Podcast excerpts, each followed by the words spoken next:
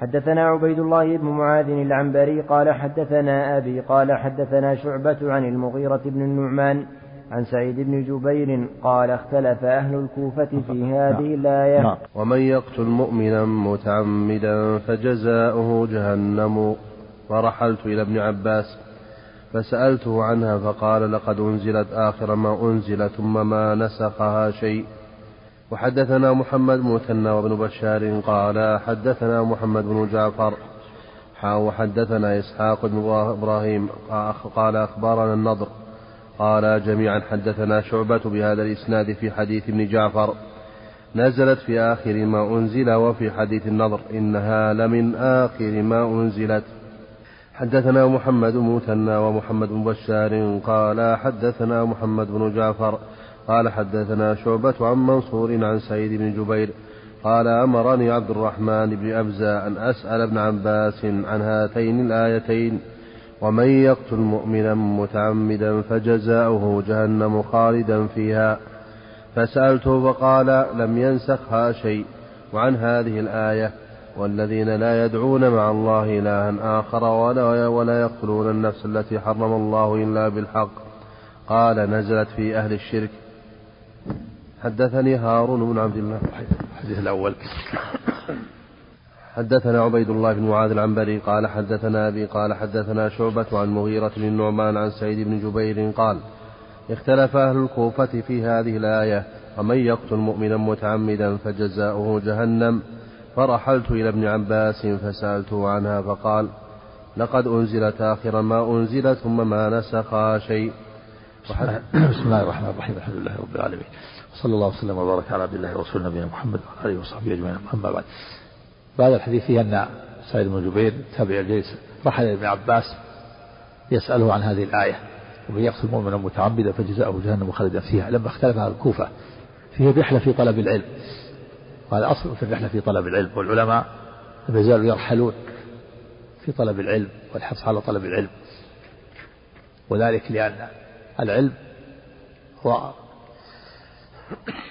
هو الذي ينير الإنسان العمل. ليس هناك عمل صحيح إلا بالعلم.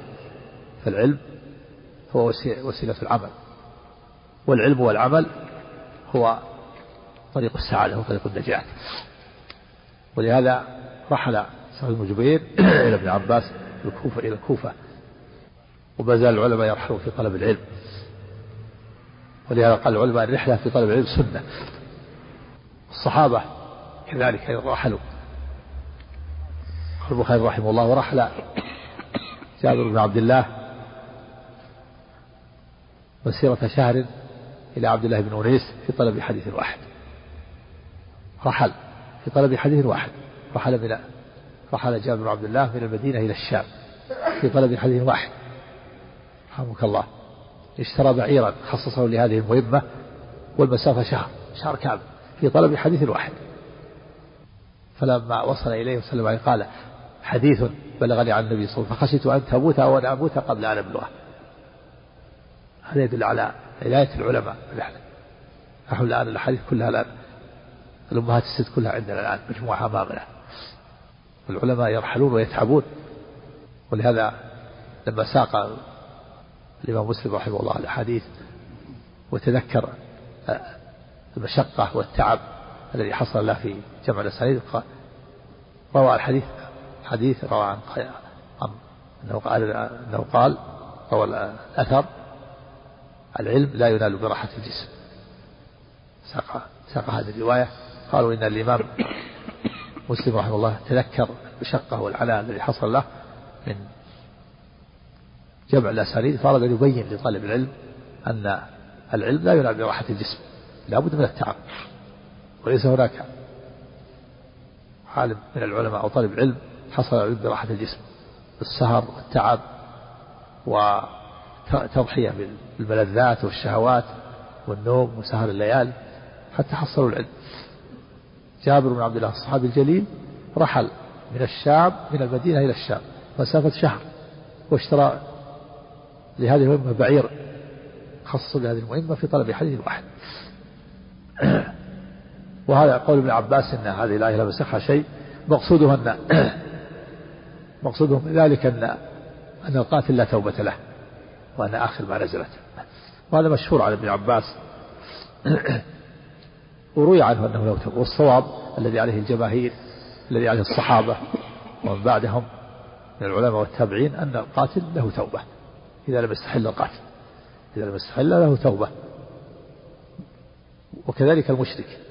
بل كل ذنب كل ذنب لصاحب توبة.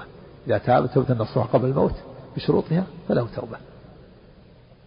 لعموم قول الله تعالى في سورة الزمر قل يا عبادي الذين أسرفوا على أنفسهم لا تقنطوا من رحمة الله إن الله يغفر الذنوب جميعا إنه هو الغفور الرحيم. أجمع العلماء على أن هذه الآية نازلة في التائبين. هذه الآية نزلت في التائبين.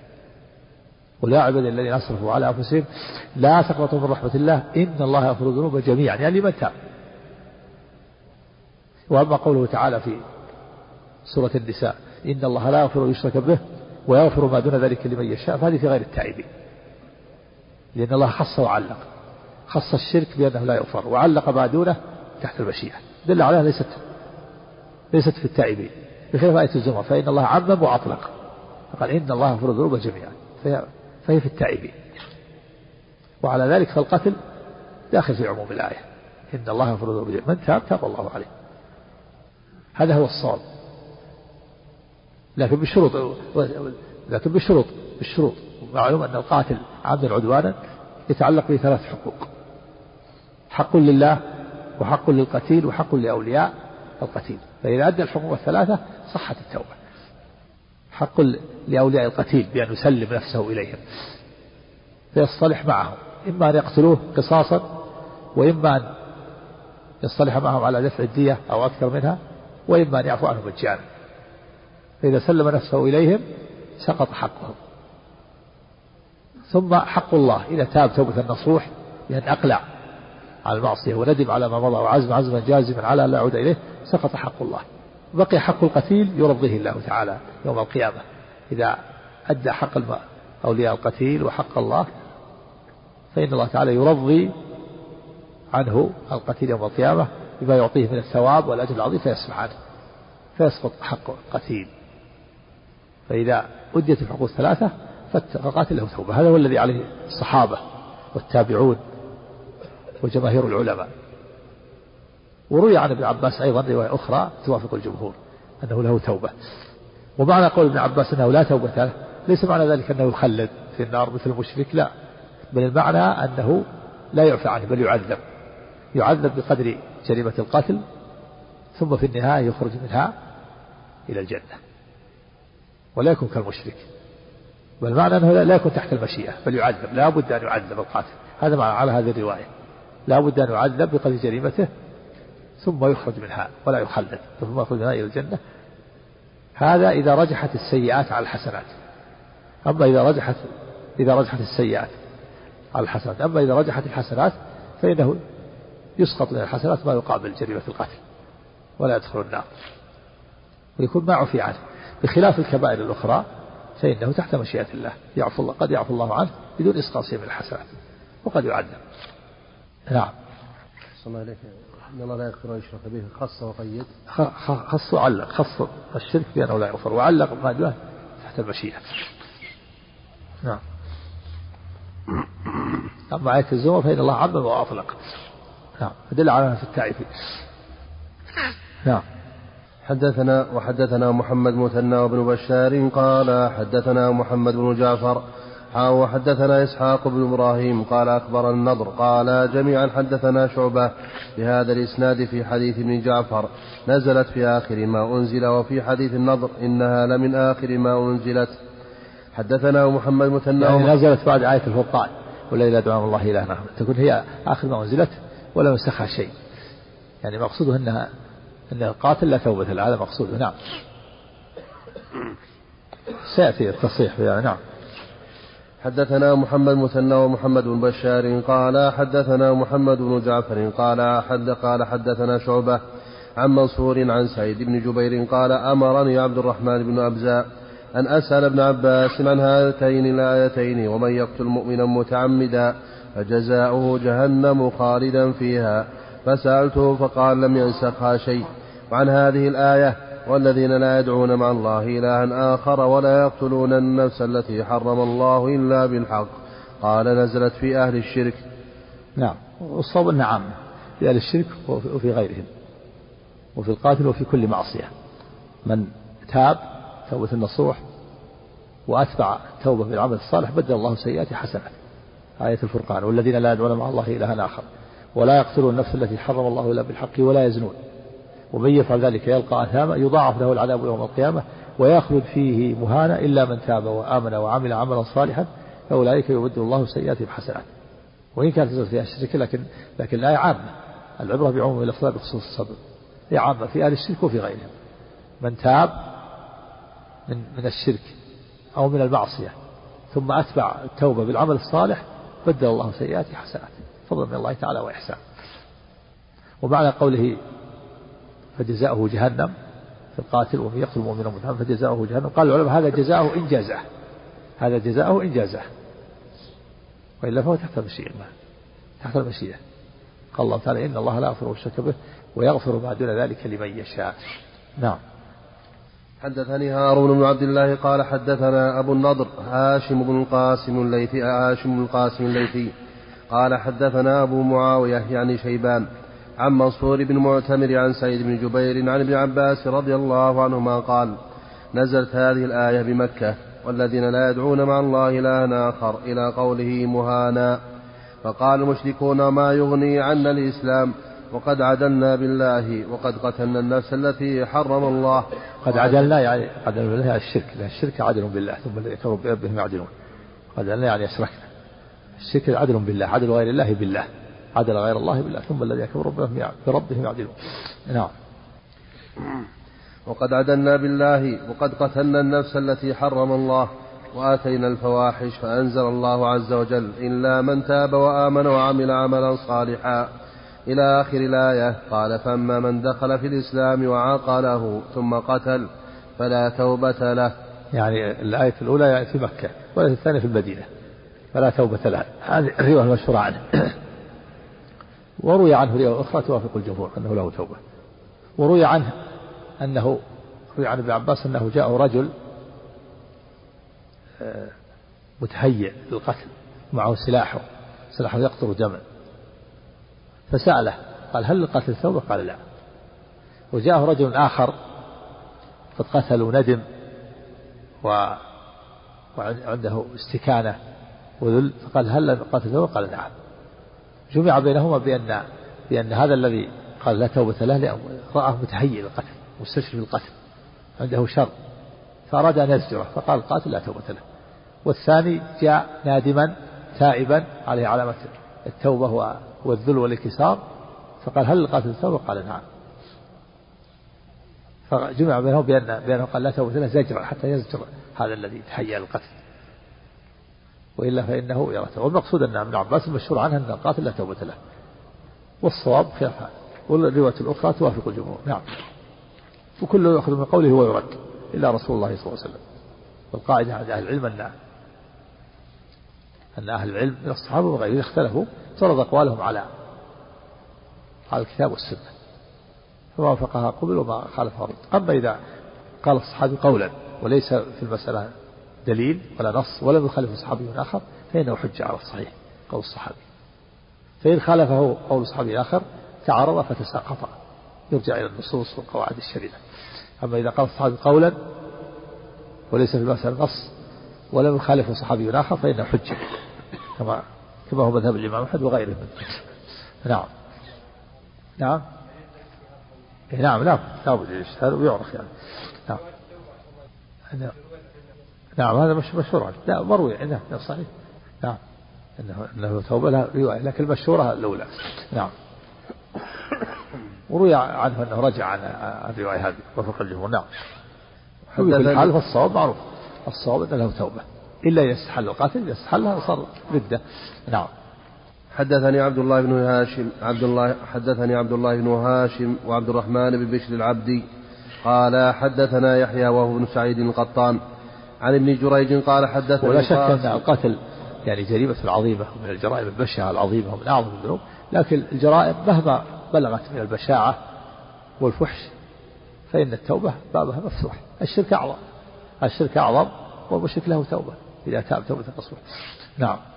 حدثني عبد الله بن هاشم بن هاشم وعبد الرحمن بن بشر العبدي قال حدثنا يحيى وهو ابن سعيد القطان عن ابن جريج قال حدثني القاسم ابن, أب ابن, ابن أبي بزة عن سعيد بن جبير قال قلت لابن عباس أل من قتل مؤمنا متعمدا من توبة؟ قال لا. قال فتلوت عليه هذه الآية التي في الفرقان. والذين لا يدعون مع الله إلها آخر ولا يقتلون النفس التي حرم الله إلا بالحق. إلى آخر الآية. قال هذه آية مكية نسختها آية مدنية. ومن يقتل مؤمنا متعمدا فجزاؤه جهنم خالدا فيها. نعم هكذا يرى أن الآية اللي في الفرقان منسوخة بآية النساء. قال هذه آية مكية الذين يدعون الله إله آخر ولا يقتل النفس التي حرم الله إلا بالحق إلا من تاب إلا من تاب يعني من من الشرك والزنا والقتل فله توبة. قال هذه منسوخة هذه في مكة. نسختها آية مدنية وهي آية النساء. ومن يقتل مؤمنا متعمدا فجزاؤه جهنم وليس فيها التوبة وليس إلا من تاب. فدل على أنه لا توبة له. هذا على هذه الرواية يرى أنه لا توبة له. ولكن ابن عباس وإن كان فقيها وعالما والنبي صلى الله عليه وسلم بأن اللهم فقه في الدين وعلمه التأويل ليس ليس مع ذلك أنه معصوم وأنه وأنه وأن كل شيء يقوله صواب لا. المراد أنه أنه فقيه عالم كبير كثير من التأويل ومن التفسير. أعطاه الله فيه علما غزيرا وكونه يكون له قول مرجوح في بعض المسائل لا يؤثر. نعم. قال هذه آية مكية نسختها آية مدنية. ومن يقتل مؤمنا متعمدا فجزاؤه جهنم خالدا. والصواب أنه ما في نسخ الصواب ما في نسخ لا نسخ. وأن باب التوبة مفتوح لأن آية الزمر قاضية على ولأن عامة مطلقة أن كل ذنب له توبة. نعم. قال هذه آية مكية نسختها آية مدنية ومن يقتل مؤمنا متعمدا فجزاؤه جهنم خالدا. وفي رواية ابن هاشم فتلوت عليه هذه الآية, التي آية هذه الآية التي في الفرقان إلا من تاب.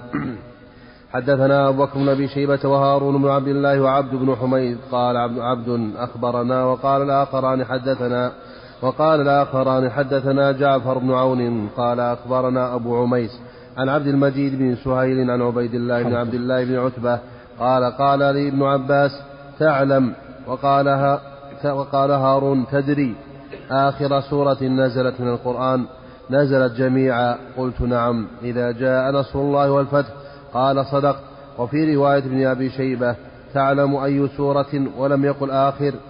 وحدثنا إسحاق بن إبراهيم قال أخبرنا أبو معاوية قال حدثنا أبو عميس بهذا الإسناد مثله وقال آخر, آخر سورة وقال عبد المجيد ولم يقل ابن سهيل حدثنا أبو بكر بن أبي شيبة وإسحاق بن إبراهيم وأحمد بن عبدة الضبي واللفظ لابن أبي شيبة.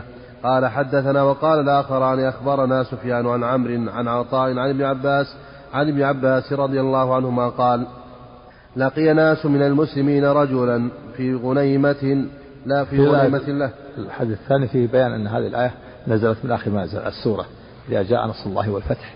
هذا ذكر المؤلف في كتاب التفسير يعني المؤلف يذكر ما ورد من الأحاديث في تفسير الآيات. منها إذا جاء نصر الله والفتح نزلت شبلة واحدة.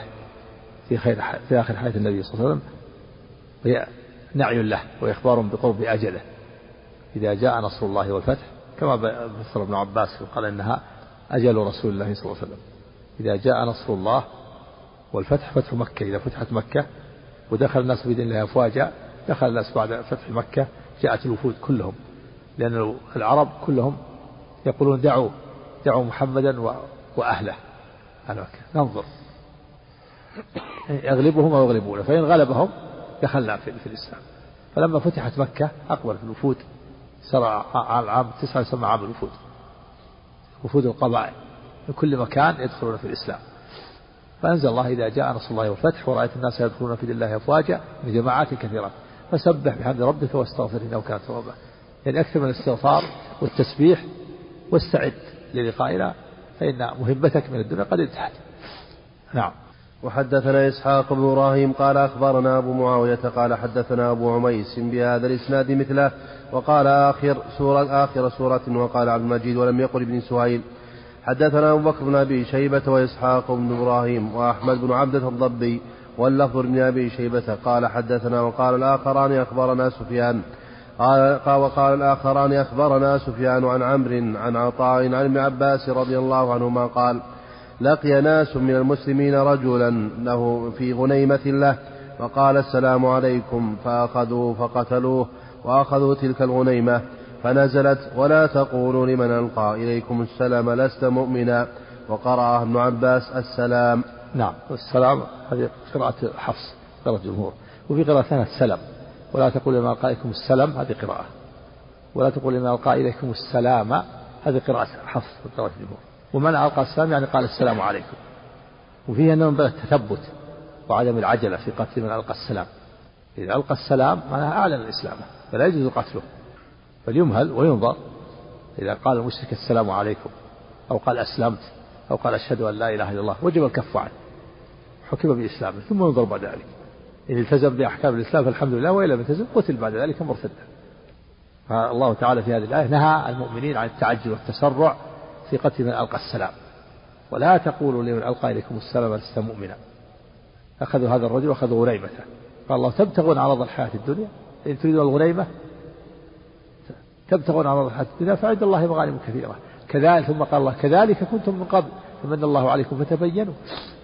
يعني أنتم قبل ذلك كنتم مثل مشركين. فمن الله عليكم بالإسلام فتبينوا فت... يعني فتثبتوا. في, في قراءة فتثبتوا. هذا في دليل على أنه ينبغي الله تعالى عاتب المؤمنين. حينما قتلوا هذا الرجل في غليبة الله لما ألقى السلام قالوا خشوا أنه ليس بصادق وأنه قالها تعوذا من القتل. قال الله لا تق... ولا تقولوا لمن ألقى إليكم السلام لست مؤمنا لماذا؟ تبتغون عرض الحياة الدنيا تبتغون هذه الغنيمة فعند الله مغانم كثيرة. ثم ذكرهم بحالتهم السابقة كذلك كنتم من قبل. أنتم من قبل كنتم مثله. كذلك كنتم من قبل. فمن الله عليكم في الإسلام فتبينوا. يعني تبين فتثبتوا في قراءة فتثبتوا. إن الله كان بما تعملون خبيرا. العتاب من الله المؤمن في تسرعه في قتل هذا الرجل الذي ألقى السلام. نعم. نعم. هذا خطأ هذا اجتهاد. مثل ما حصل لخالد رضي الله عنه لما جاء إلى بني جذيمة وجعلوا يقولون صبعنا صبعنا يريد أسلمنا ما يعرفون. يقول صبعنا صبعنا فجعل خالد يقتلهم فالنبي صلى الله عليه وسلم شدد عليه. قال ورفع يده وقال اللهم إني أبرأ إليك مما صنع خالد. ورفع يده اللهم إني أبرأ إليك مما صنع خالد. وغرم ديتهم حتى في لغة الكلب. ومع ذلك ما عزله. ما عزله عن القيادة. قيادة الجيش لأنه عن اجتهاد. ولهذا ودع النبي صلى الله عليه وسلم. وهو عن اجتهاد. لكن الله يؤدب عباده ويعاتبهم. نعم. نعم. في قصة بني جذيمة لما أرسله إليهم جعلوا يقتلوا ما ما أذكر. نعم. من سرية هي؟ سرية هو سرية نعم. سرية بني جذيمة لما أقبل عليهم قالوا يقول صبعنا صبعنا يريدون أسلمنا. فجعل يقتلهم. نعم. وأن اجتهادا وأن أنهم ما أسلموا أن هذا ما يفيد الإسلام. نعم.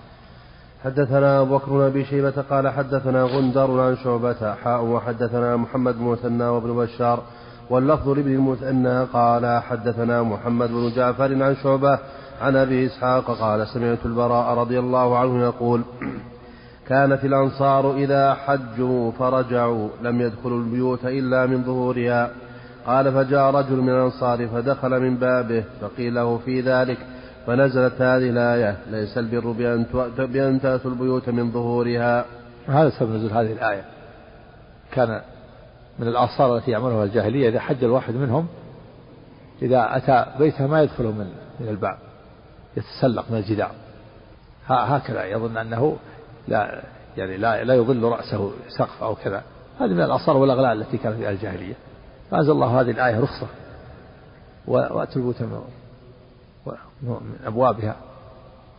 وليس البر بأن تأتوا البيوت من ظهورها ولكن البر من اتقى وأتوا البيوت من ظهورها ليس هذا من البر كل سنة تسلق الجدار ولكن البر في التقوى وأتوا البيوت من أبوابها. الله تعالى سهل ويسر لكن الجاهلية عندهم آثار وأغلال. جعلوها من عند أنفسهم. منها أن الواحد إذا حج ثم جاء إلى بيته ما يدخل مع الباب وإنما يتسلق الجدار.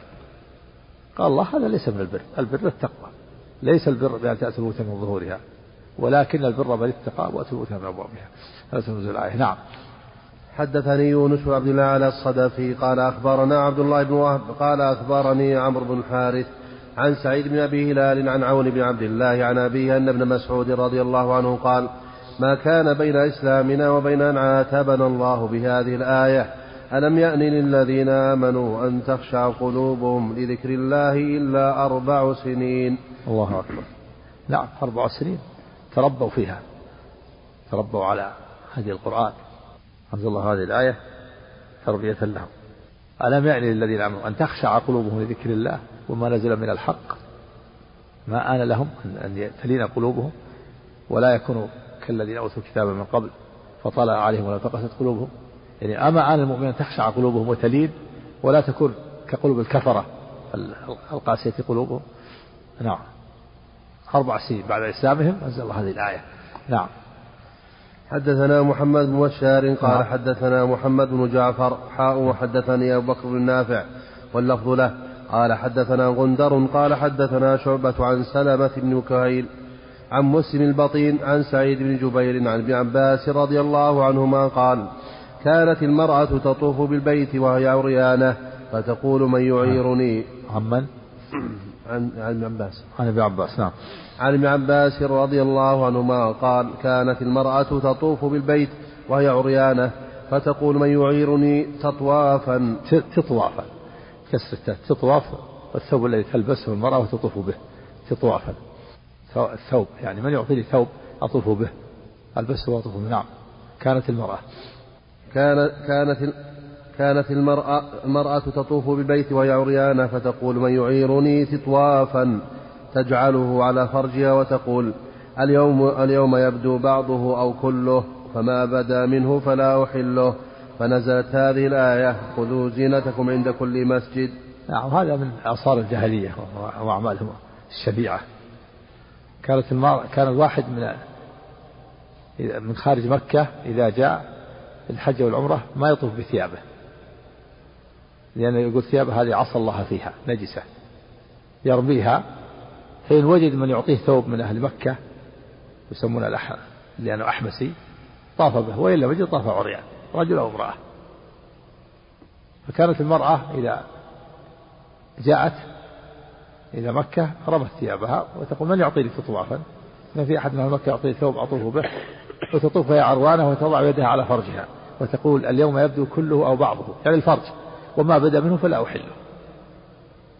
هذا من من آثار الجاهلية. لا يطوفون بالبيت لا يطوفون بثيابهم يدعونها نجسة وهم يعملون الشرك أعظم. لا يطوفون بالبيت بثيابهم. زعم من هذا أن ثيابهم نجسة وأن عصوا الله فيها فلا يطوفون بها. وهم يتورعون من يطوفوا بثيابهم وهم يعملون الشرك الذي هو أعظم. أعظم. الشرك أعظم. ثم أيضا هكذا. تبدي فرجها للناس وتقول اليوم يبدأ كله أو بعضه وما بدأ منه فلا أحل. لكن هذا هذا هذا فهم مستقيم. هذا وكل مرأة تطوف وهي عريانة من الأعمال الجاهلية الشنيعة. بعد أعظم أعظم أبشع عمل تعمله الجاهلية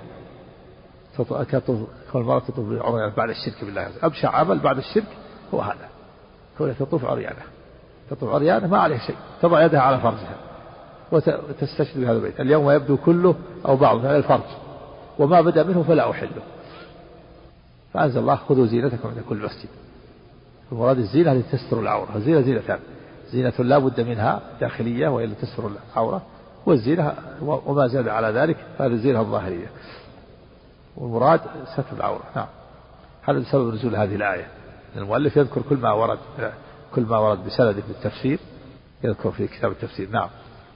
إذا قول من قال كشيخ السلام أحسن الله إليك أن الزينة هنا هنا أمر زائد على الواجب. هذا بعد بعد بعد الواجب. بعد الواجب. خذوا زينتكم عند كل مسجد. الزينة الداخلية هذه لا بد منها. هذه هي الأساس. نعم. حدثنا أبو بكر بن أبي زينتان. زينة لا بد منها داخلية وزينة ظاهرية. نعم. لكن زينة التجمل فوق الثياب والستر هذا هذه هذه الظاهرية. والداخلية لا بد منها. ولا يكون هناك تجمل إلا بعد أن تستر العورة. نعم. حدثنا أبو بكر بن أبي شيبة وأبو كريب جميعا عن ابن أبي عن ابن أبي معاوية. عن أبي معاوية واللفظ واللفظ لأبي كريب. حدثنا أبو معاوية قال حدثنا الأعمش عن أبي سفيان عن جابر رضي الله عنه قال كان عبد الله بن أبي بن سلول يقول لجارية له اذهبي فابغينا شيئا.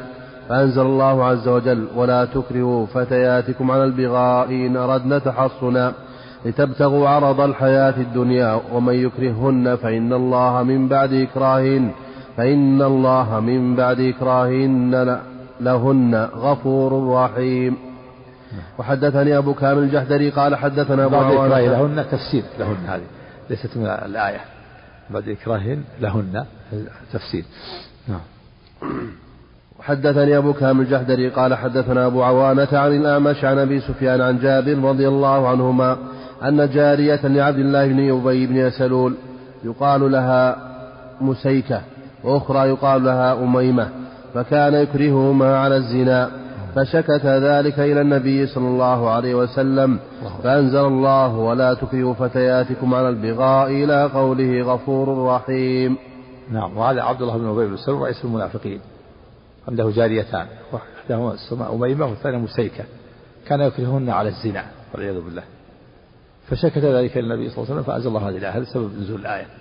ولا تكرهوا فتياتكم على البغاء إن أردنا تحصنا لتبتغوا أرض الحياة الدنيا. ومن يكرهن فإن الله من بعد إكراههن غفور رحيم. ولا تكرهوا فتياتكم جمع فتاة. والمراد بها الأمة. المراد الأمة. لا تكرهوا معكم على البغاء البغاء الزنا. لا تكرهوا إمائكم على الزنا إن أردنا تحصنا. يعني إن أردت تحصنا ليس قيدا. فلا يفيد الإذن. فلا يفيد الإذن في الزنا إذا لم يرد تحصنا. ولا يفيد الإذن في الزنا. أي يفيد الإذن في إكراهنا على الزنا إلا لم يرد تحصن بل المراد هذا لبيان الواقع والحال. هو وصف أغلبي. والمعنى أن حال أنهم يكرهون على الزنا في كونهن في حال كونهن يريدن التحصن. هذا لبيان الواقع الواقع أنهم أنهم عبد الله بن أبي يكرهون على الزنا وهن يريدن التحصن. وليس المراد أنها لو لم تريد التحصن جاز الإكراه. لا ليس المراد هذا. لا يجوز الزنا مطلقة سواء أرادت ولا ما أرادت. لا يجوز الإذن لها بالزنا. يحرم على الإنسان أن يأمرها بالزنا أو على الزنا ولو لم تريد التحصن لكن المراد هذه بين الواقع والحال. والحال بين الواقع أنه أنهم أن عبد الله بن أبي وأضرابه يكرهون على الزنا والحال أنهن في حالة أنهن يريدن التحصن فهو يكرهن وهن يريدن التحصن لكن لو لم يريدن التحصن وأراد الزنا لا يوافقن على ذلك ولا يجوز الإكراه. الزنا حرام سواء أراد التحصن ولا ما أرادت لكن هذا هذا وصف أغلبي وبيان الحال. مثل قوله تعالى آه، وربائبكم التي في حجوركم من نسائكم. فقل وربائبكم التي في حجوركم في بيان تحريم الربيبة التي في الحجر وهذا ليس قيدا بل تحرم الربيبة ولو لم تكن في الحجر لكن لبيان الواقع أو لبيان الأغلب. فالأغلب وصف أغلبي أن الربيبة تكون في الحجر فإذا لم تكن في الحجر فالحكم واحد. هي حرام. كذلك هنا إن أراد تحصنا الإكراه على الزنا حرام. سواء أراد تحصنا أو ما أراد تحصنا. لكن القيد بأنه إن أراد تحصنا لبيان لبيان الأغلب. هذا وصف أغلبي وبيان الحال والواقع. أن هذه الإماء تكره على الزنا وهي تريد التحصن. لكن لو وجد إناء لا تريد التحصن فلا فلا يجوز الإذن لها بالزنا. ولو ولو لم تريد التحصن. هذا معروف. مثل قوله تعالى ومن يدعو مع الله إلها آخر لا برهان له به فإنما حسبه عند ربه. فدعاء غير الله حرام. معلوم أنه أنه لا يجوز دعاء غير الله. وأن وأنه لا يوجد برهان لا يوجد برهان. لكن النص على قول لا برهان له لبيان الواقع. وأن الواقع أن المشرك ليس له برهان. وليس المراد أنه إذا كان عنده برهان جاز الشرك لا. المراد بيان الواقع ولا فلا فالمشرك ليس له برهان.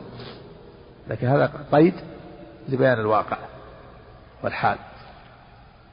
وأنه أن المشرك لا برهان له.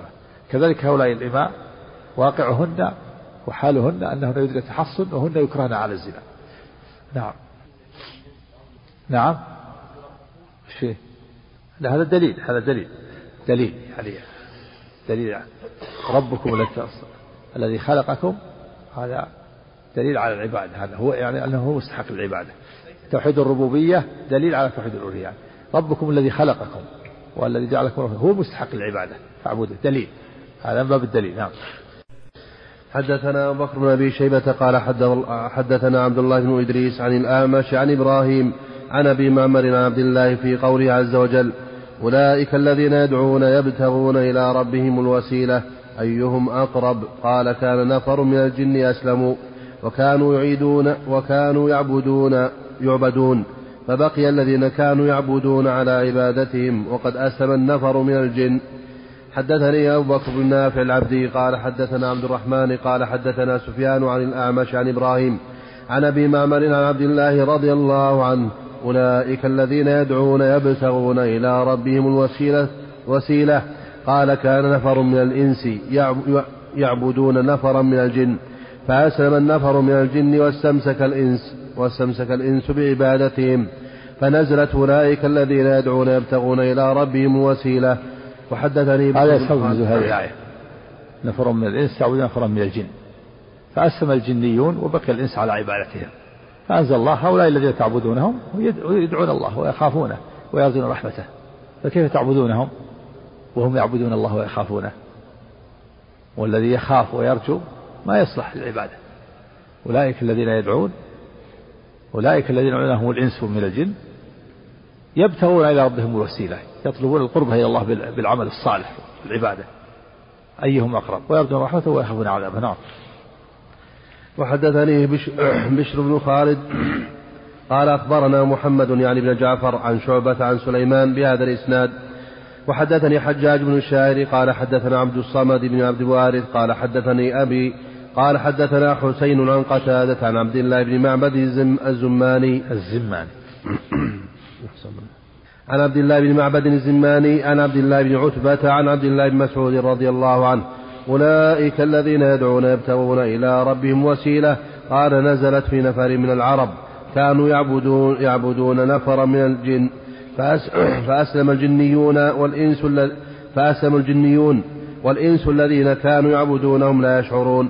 فنزلت أولئك الذين يدعون يبتغون إلى ربهم وسيلة. حدثني عبد وسيلة القربة. القربة أيضا بالطاعة نعم. حدثني عبد الله بن مطيع قال حدثنا هشيم عن أبي بشر عن سعيد بن جبير قال قلت لابن عباس سورة التوبة قال آه التوبة قال بل هي الفاضحة ما آه, آه التوبة يعني هذه تسهيل الهمزة أصل همزة آه التوبة اسم الاستفهام يعني هل هي التوبة أو الفاضحة؟ يعني اسمها الفاضحة. نعم. لأن فضحت المنافقين وذكرت أوصافها. لم تزل ينزل ومنهم ومنهم ومنهم حتى خشي المنافقون أن يسموا بأسمائهم. سأل عبد جوير قال هي التوبة؟ قال لا.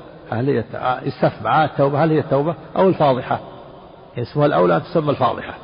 هذا يقول ابن عباس سعيد بن جوير آه التوبة. همزة. مد. هذه سخرة تصل همزة آه التوبة. يعني هي التوبة أو الفاضحة. اختار ابن عباس يقول الأولى تسمى الفاضحة. لأن فضحت المنافقين بأوصافهم. لم يزل ينزل الله ومنهم ومنهم ومنهم حتى خشي المنافقون يسموا بأسمائهم. نعم. نعم. إذا ظهر إذا ظهر نعم. إذا ظهر. مثل ما قال عمر لحاطب إنه منافق قد خان الله ورسوله. إذا ظهر من شيء على النفاق نعم. قال التوبة قال قلت لابن عباس سورة التوبة. قال آه التوبة. قال بل هي الفاضحة.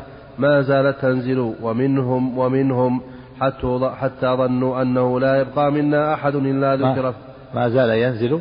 ما زالت تنزل. كذا ما زالت عندكم؟ يعني طيب ما زالت الآيات. نعم. نعم. ما زالت تنزل ومنهم ومنهم حتى ظنوا أن لا يبقى منا أحد إلا ذكر فيها.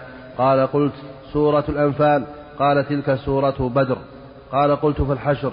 قال نزلت في بني النضير. نعم. سورة بدر لأن قصة غزوة بدر فيها. وسورة الحشر سورة بني النضير اليهود يهود بني النضير هم الذين ذكرت قصتهم فيها. نعم. سمى سورة بني النضير وسمى سورة الحشر. نعم. حدثنا أبو بكر بن أبي شيبة قال حدثنا علي بن مسر عن أبي حيان عن الشعبي عن, عن ابن عمر رضي الله عنهما قال خطب عمر رضي الله عنه على منبر رسول الله صلى الله عليه وسلم فحمد الله وأثنى عليه ثم قال أما بعد. ألا وإن الخمر نزل تحريمها يوم نزل وهي من خمسة أشياء من الحنطة والشعير والتمر والزبيب والعسل والعسل. والخمر ما خامر العقل. وثلاثة أشياء. وددت أيها الناس أن رسول الله صلى الله عليه وسلم كان عهد إلينا فيها. الجد والكلالة وأبواب من أبواب الربا. نعم وهذا في بيان أن أن الخمر نزلت من هذه الأشياء الخمسة. الحنطة والشعير والعسل والتمر وفي لفظ والزبيب. هذه هذه الأشياء الخمسة المراد أن أن هذه الأشياء الخمسة هي التي تصنع من الخمر في في زمان في زمان الناس على عهد النبي صلى الله عليه وسلم. وليس المراد الحصر. بل نص على هذه الخمسة لأنها التي يصنع من الخمر في في زمن النبي صلى الله عليه وسلم. ويلحق بها كل ما كان يسكر ولهذا أجا ولهذا ذكر بعد ذلك وصفا عاما فقال والخمر ما خمر العقل وغطاه. فكل ما يخمر العقل ويغطيه من أي شيء يسمى خمر سواء كان مشروبا أو مشموما. وأما النص على هذه الخمسة فهي لبيان أن هذه الخمسة هي الموجودة في ذلك الزمن. ويلحق بها كل ما يسكر ولهذا أتى بوصف عام فقال والخمر ما خمر العقل وغطاه. نزل تحريم الخمر وهي من خمسة يعني في زمن في زمنهم. يصنع تصنع الخمر من التمر يجعله يسمى مريس يصبون عليه الماء ويجلس يوم ثلاثة أيام بالحر ويقذف الزبد يتخمر كذلك العنب يعصرونه وكذلك من الشعير والبر الحنطة يعصر صب عليه الماء وفي شدة الحر ثلاثة أيام يتخمر في الغالب. ويلحق بها كل كل كل ما كان مسكرا. ولهذا أتى بوصف فقال والخمر ما خمر العقل وأبطاه من التفاح من اللبن ومن غيرها. والآن وجدت الآن أنواع كثيرة لا حصر لها ما لا نهاية الآن. مشروبات كل هذه إذا تخمرت فهي حرام. إذا كانت قذفت تقذف بالزبد صارت تسكت ولهذا أتى بوصفها قال والخمر ما خامر العقل وغطاه دل على أنه إنما ذكر هذه الخمسة لبيان الواقع وأن في, في ذلك الوقت كانت الخمر تصنع من هذه الخمسة وليس المراد الحصر. بل هذا مثال مثال لما تصنع من الخمر ولهذا أتى بوصف عام فقال والخمر ما خامر العقل وغطاه. وأما قول عمر رضي الله عنه ثلاث وددت أن رسول الله صلى الله عليه وسلم عهد إلينا عهدا وهي الكلالة وهي الجد والكلالة وأبواب من الربا هذه الثلاثة أشكلت على عمر رضي الله عنه وهي معلومة من الشريعة أشكلت عليه وعند غيره واضحة. الكلالة الجد أشكل على عمر هل يرث مع الإخوة ولا يرث؟ والصواب الذي تدل عليه النصوص هو اختيار الصديق أن الجد حكم حكم الأب وأنه يسقط الإخوة مطلقة الأشقاء أو لأب أو لأم. هذا هو الصواب الذي تدل عليه النصوص. الله تعالى سمى الجد أب. قال الله تعالى عن يوسف واتبعت ملة آبائي إبراهيم وإسحاق ويعقوب. ما كان لنا نشرك بالله من شيء. إبراهيم سماه أب وإسحاق وهم أجداد له. فالصواب أن الجد أب يسقط الإخوة مطلقا. وكذلك الكلالة أشكت على عمر وجاء تفسير الكلالة بأنه من لا ولد له ولا والد. من لا والد له ولا ولد. قال الله تعالى يستفتونك في قل الله يفتيكم في الكلالة. إن امرؤ هلك ليس له ولد وله أخت فله نصف ما ترك. والدليل أنه ورث الإخوة. والإخوة لا يرثون مع وجود الأب. فدل على أن الكلالة هو الذي ليس له ولد ولا والد. الكلالة من لا ولد له ولا والد. ولهذا يرث الإخوة مع البنات. الإخوة يرثون مع البنات.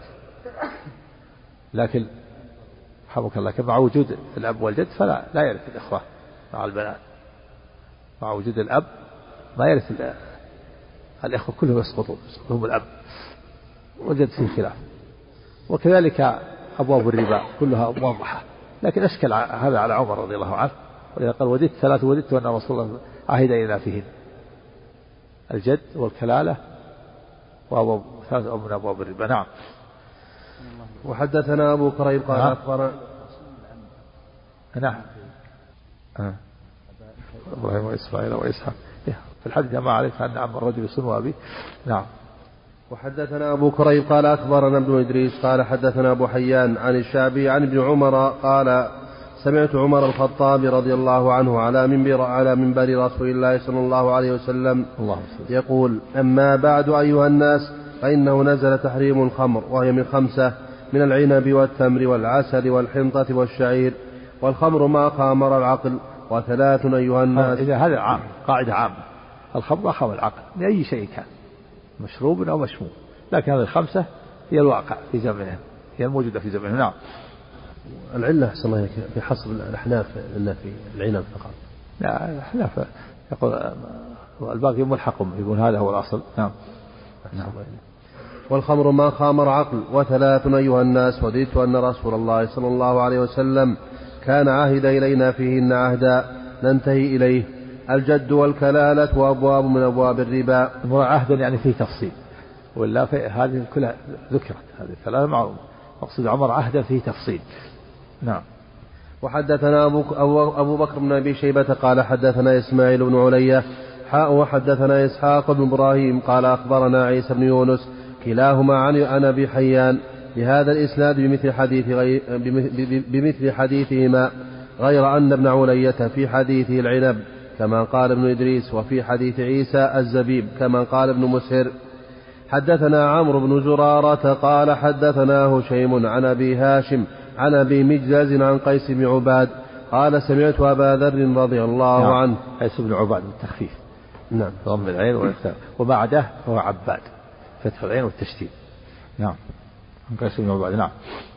قال عن, عن قال حدثنا عمرو بن زرارة قال حدثنا وشيم عن أبي هاشم عن أبي مجلز عن قيس بن عباد قال سمعت قال سمعت أبا ذر رضي الله عنه يقسم قسما إن هذا إنها إن هذان خصمان اختصموا في ربهم إنها نزلت في الذين برزوا يوم بدر حمزة وعلي وعبيدة بن الحارث وعتبة وشيبة بن ربيعة والوليد بن عتبة حدث نعم وأخبر بذلك علي رضي الله عنه أنها نزلت فيهم نعم.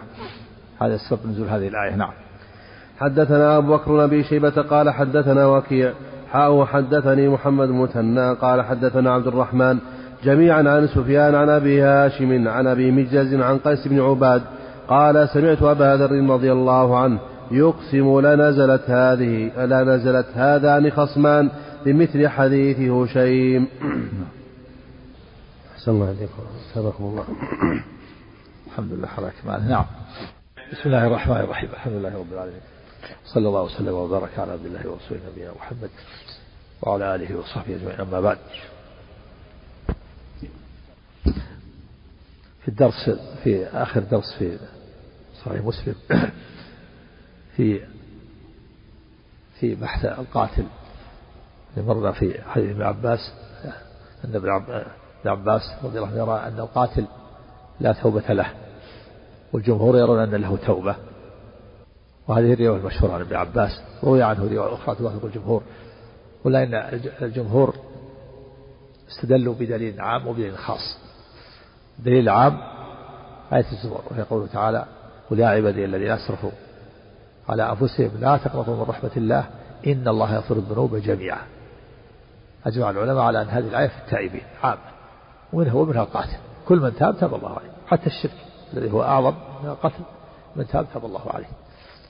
وهناك دليل خاص أيضا فات علينا أن ننبه عليه وهو حديث الرجل الذي قتل تسعة وتسعين نفسا. رواه الإمام مسلم في صحيحه. قتل الرجل الذي قتل تسعة وتسعين نفسا ثم سأل عن عن علم أهل الأرض فدل على راهب فسأله هل له من توبة فقال ليس له من توبة فقتله وكمل به المئة. ثم سأل عن أعلم أهل الأرض فدل على عالم فقال إنه قتل مئة نفسا لهم توبة. قال ومن يحول بينك وبين التوبة؟ اذهب إلى قرية كذا وكذا فاعبد الله معهم واترك هذه القرية التي أنت فيها فإنها قرية سوء. فذهب إلى القرية تائبا نادما نازعا مقبلا على الله. فلما كان في منتصف الطريق أدركته الوفاة جاءه الموت. فاختصمت فيه ملائكة الرحمة وملائكة العذاب. فقالت ملائكة الرحمة جاء تائبا نازعا نريد أن نقبضه فقالت ملائكة العذاب لم يعمل خيرا قط. فأرسل الله إليهما ملكا حكما بينهما. فحكم له بأنها بأنه من من أهل القرية الصالحة. وفي رواية أنه قال قيسوا ما بين القريتين فإليهما كان أقرب فهو من أهلها فصار إلى القرية الصالحة أقرب بشبر. وفي رواية أنه ناء بصدره إلى القرية الصالحة وهو في سكرة الموت. بقوة ما في ما في قلبه حقائق الإيمان جعله وهو في سكرة الموت ينوء بصدره القرية الصالحة. لأنه تاب وندم. فقبضته ملائكة الرحمة. فهذا الحديث دين خاص. ودين خاص في في القاتل أنه له توبة هذا دين الخاص ودين العام. ودين العام الآية ودين الخاص في القتل.